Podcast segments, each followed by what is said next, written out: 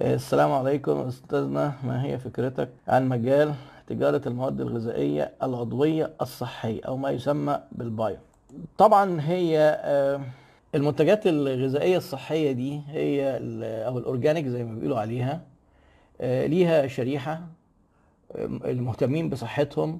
لو قدرت تظهر لها الشريحة دي القيمة الحقيقية وتطمنهم إن هو مش أي كلام لأن بدأ الناس تشك شوية وبدأ يتقال إن الناس بتوع ال organic دول بيروحوا يشتروا من سوق العبور عادي ويقعدوا ينقوا الحاجات وبعدين يحطوها في علب ولا أكياس ويكتب طماطم organic وبصل organic وهي ما organic ش خالص.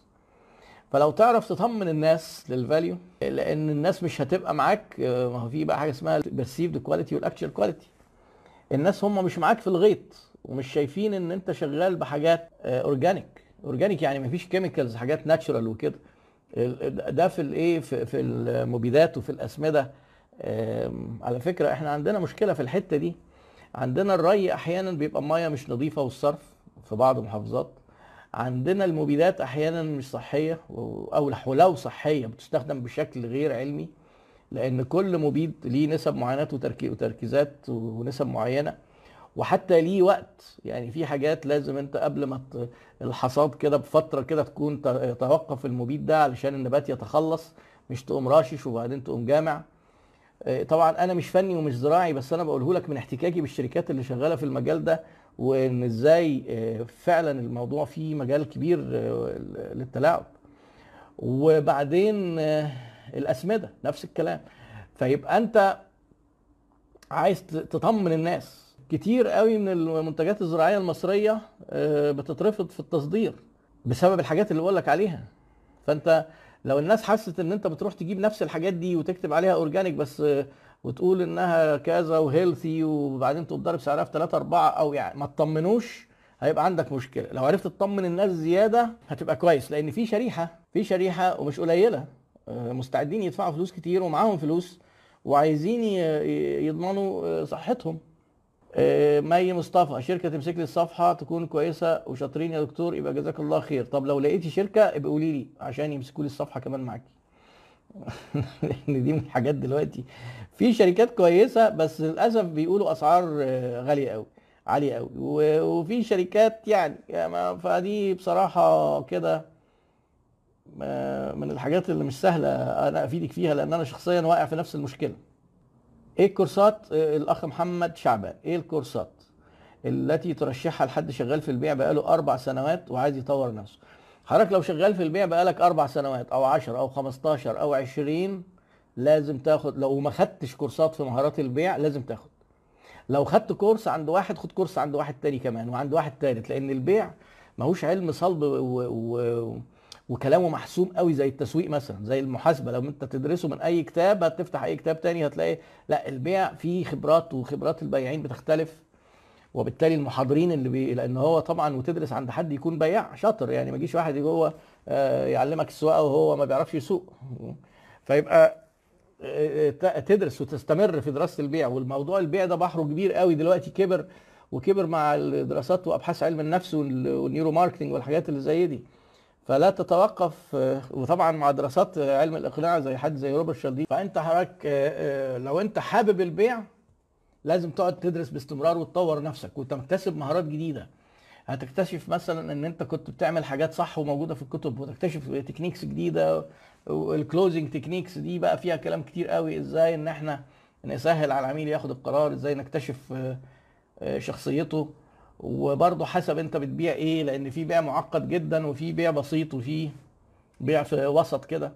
يعني الناس اللي بيبيعوا المواد الغذائية ما هو بيروح عند المحلات البقالات وال supermarkets.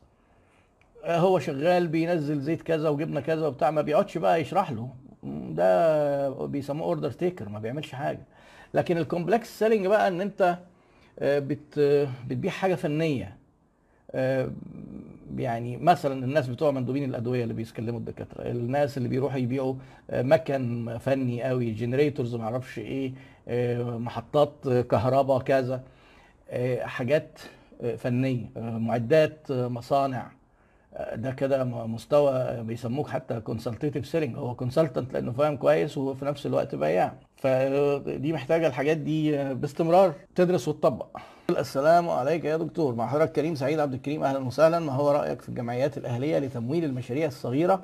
وكيف يتم الترويج لها مع العلم أنها تقوم أساسا على بيع القروض للمواطنين؟ ما أعرفش القصة دي إيه. هو الجمعيات الأهلية أصلا تمويلها بيجي من تبرعات. فهل في جمعيات بتاخد تبرعات من الناس وتروح تمول مشاريع صغيرة؟ وبعدين تبيع قروض يعني إيه بتبيع قروض؟ يعني قصدك إنها بتقرض بتاخد التمويل ده تشغله؟ ده يبقى تلاعب لأن ده كده مش من أنشطة الجمعية دي كده القروض دي دي أنشطة هادفة للربح. صحيح ممكن الجمعية تمارس نشاط هادف للربح بس مش هو النشاط الأساسي. تمارس نشاط يجيب ربح عشان تمول نشاطها الأساسي. فأنا ما أعرفش الكلام ده بصراحة يعني حاول تبعت لي عن انبوكس تفاصيل أكتر شوية لأن القصة دي ما عنديش تفاصيلها. الأخ محمد فرماوي بيقول ما هي سمات رائد الأعمال الناجح؟ بصوا هو كلمة ريادة الأعمال يعني خدت أكبر من حجمها الفترة اللي فاتت. وأنا يمكن قلت التعبير المرة اللي فاتت نقلا عن أحد الخواجات. بيقول إحنا عايشين في عصر ال entrepreneurship pornography يعني بنغري الناس كده بحاجات إباحية. علشان يعني وكأنه يقول لك إيه كأنها زي الغريزة كده. فكمية شباب أنا عارف يقعدوا يمشوا ورا ال events بيعملوها بتاعة ال entrepreneurship دي. وناس هدف حياتهم من الفكرة بتاعتهم المطرقعه دي يلاقوا ممولين ويعني قصة كبرت جدا. أنا يعني خلينا نتكلم على استثمار بشكل موضوعي وعاقل. ريادة الأعمال اللي هي فكرة جديدة و business محدش يسمع عنه قبل كده وشباب طالعين لسه متخرجين جداد وهيعملوا شركة للفكرة وهم جداد. الحاجات دي very high risk وما كانوش بيقولوا الكلام ده زمان ما كانوش بيقولوا الكلام ده زمان. بدأوا يقولوا بقى إيه؟ آه ال risk عالي بس خلي بالك إحنا هنساعدك إن أنت تتخطى ال risk بس هو بيظهر حتة وبيخبي حتة.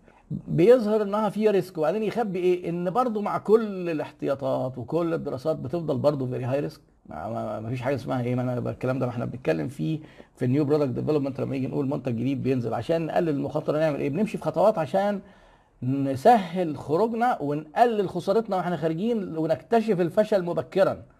مش عشان نوصل النجاح ل 100% مستحيل. فده موضوع ريادة الأعمال. فخلينا نعيد صياغة السؤال. المستثمر الجديد صاحب الشركة الجديد اللي بادئ في نشاط جديد لازم اولا يكون قلبه جامد بس مش لدرجة إنه يدخل بدون حسابات. لازم يحسب يعني إيه؟ يدخل يحب يدخل على مخاطرة محسوبة يبقى من الناس اللي هم بيدوا الأمور إيه؟ بيقدروا كل شيء بقدره. ما يجيش يقول لك آه سيبها كده لله وأنا أنا مرزق وتعالى بس ما تقعدش بس تفقر لي فيها وتقعد تحسب لي وتقول لي أنا نخسر. ما هو ده اللي بيخسرنا. طبعا دي خرافات بقى موجودة في مجتمعنا كتير جدا. ده مش راجل أعمال. ده نظام دروشه. أو ياخد الفلوس بقى وتخسر الفلوس يقول لك بقى وأنا كنت مغسل وضامن جنة. دروشه دروشه. آه لا يتنحسب ونقدر المخاطرة. الاستثمار هو التعامل مع المخاطرة. وبعدين لما يجي يدير يبقى فاهم إن الإدارة معقدة لازم ادرس الإدارة. يبقى فاهم إداريات الحاجة اللي داخل فيها وفنياتها. آه والإدارة هي التعامل مع التعقيد. يبقى إحنا بننتقل من التعامل مع المخاطرة إن إحنا نحسب المخاطرة ونلاقيها إنها مقبولة هندخل وبعدين نتعامل مع التعقيد. عايزين ننجح بقى وعايزين نحقق أفضل سيناريوهات متفائلة وإحنا بندرس. فلازم يكون ليه mindset معينة. يكون راجل problem solver يكون ذكي ويعرف يحل ويكون عنده human skills يعرف يدير الناس اللي تحتيه. يكون دايما يسعى للمعرفة وللتطوير وما يجيش يقول لك لا ده أنا فاهم كل حاجة. وما يكونش من النوع اللي غاوي إسقاط فشله على الايه على الظروف الخارجية والآخرين. يقول لك إحنا الشركة كويسة بس السوق واقع. الشركة كويسة بس الموظفين ما أعرفش مين. إحنا كذا إحنا كنا زي الفل بس منهم لله المنافسين طيرون ما هو ما فيش ما فيش سوق هياخدك بالأحضان. ما فيش منافسين هيوسعوا لك ويقول لك إيه خدوا جنب كده شوية أحسن الراجل ده داخل آه إيه نسيب له مكان. محدش هيعمل لك كده. ده أنت هتنزل مثلا لشركة تنزل بضاعة فيجي الراجل هينزل يقول لك إيه ده ده مين ده أنتوا جبتوا دي منين دي جديدة إزاي؟ طب اتفضل خصومات طب اتفضل عروض.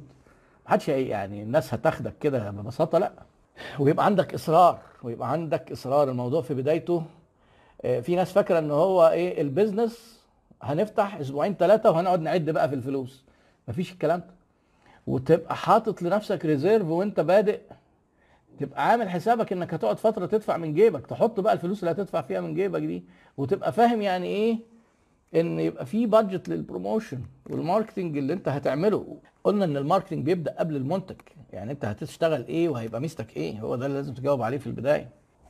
الأخ محمد خلف دبلومه التسويق 3 في 1 هل فيها شرح مفصل للتسويق الإلكتروني؟ لا خالص. وبرامج ال social أم تسويق بشكل عام. ده هو إحنا تسويق offline أصلا. أنا بتكلم في الإدارة. حتى أنا بقول للناس إحنا بنشوف الصورة الكبيرة وبنطير بالهليكوبتر كده وبنتكلم حتى على اقتصاد العالم.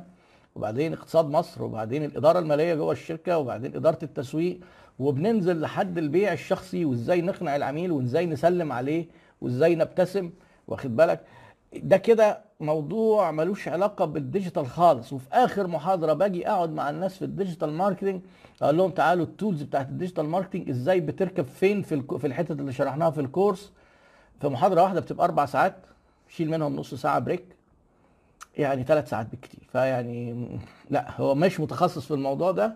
ودايما الناس بعد كده اللي بي بيخلصوا بيروحوا يكملوا في أماكن أخرى.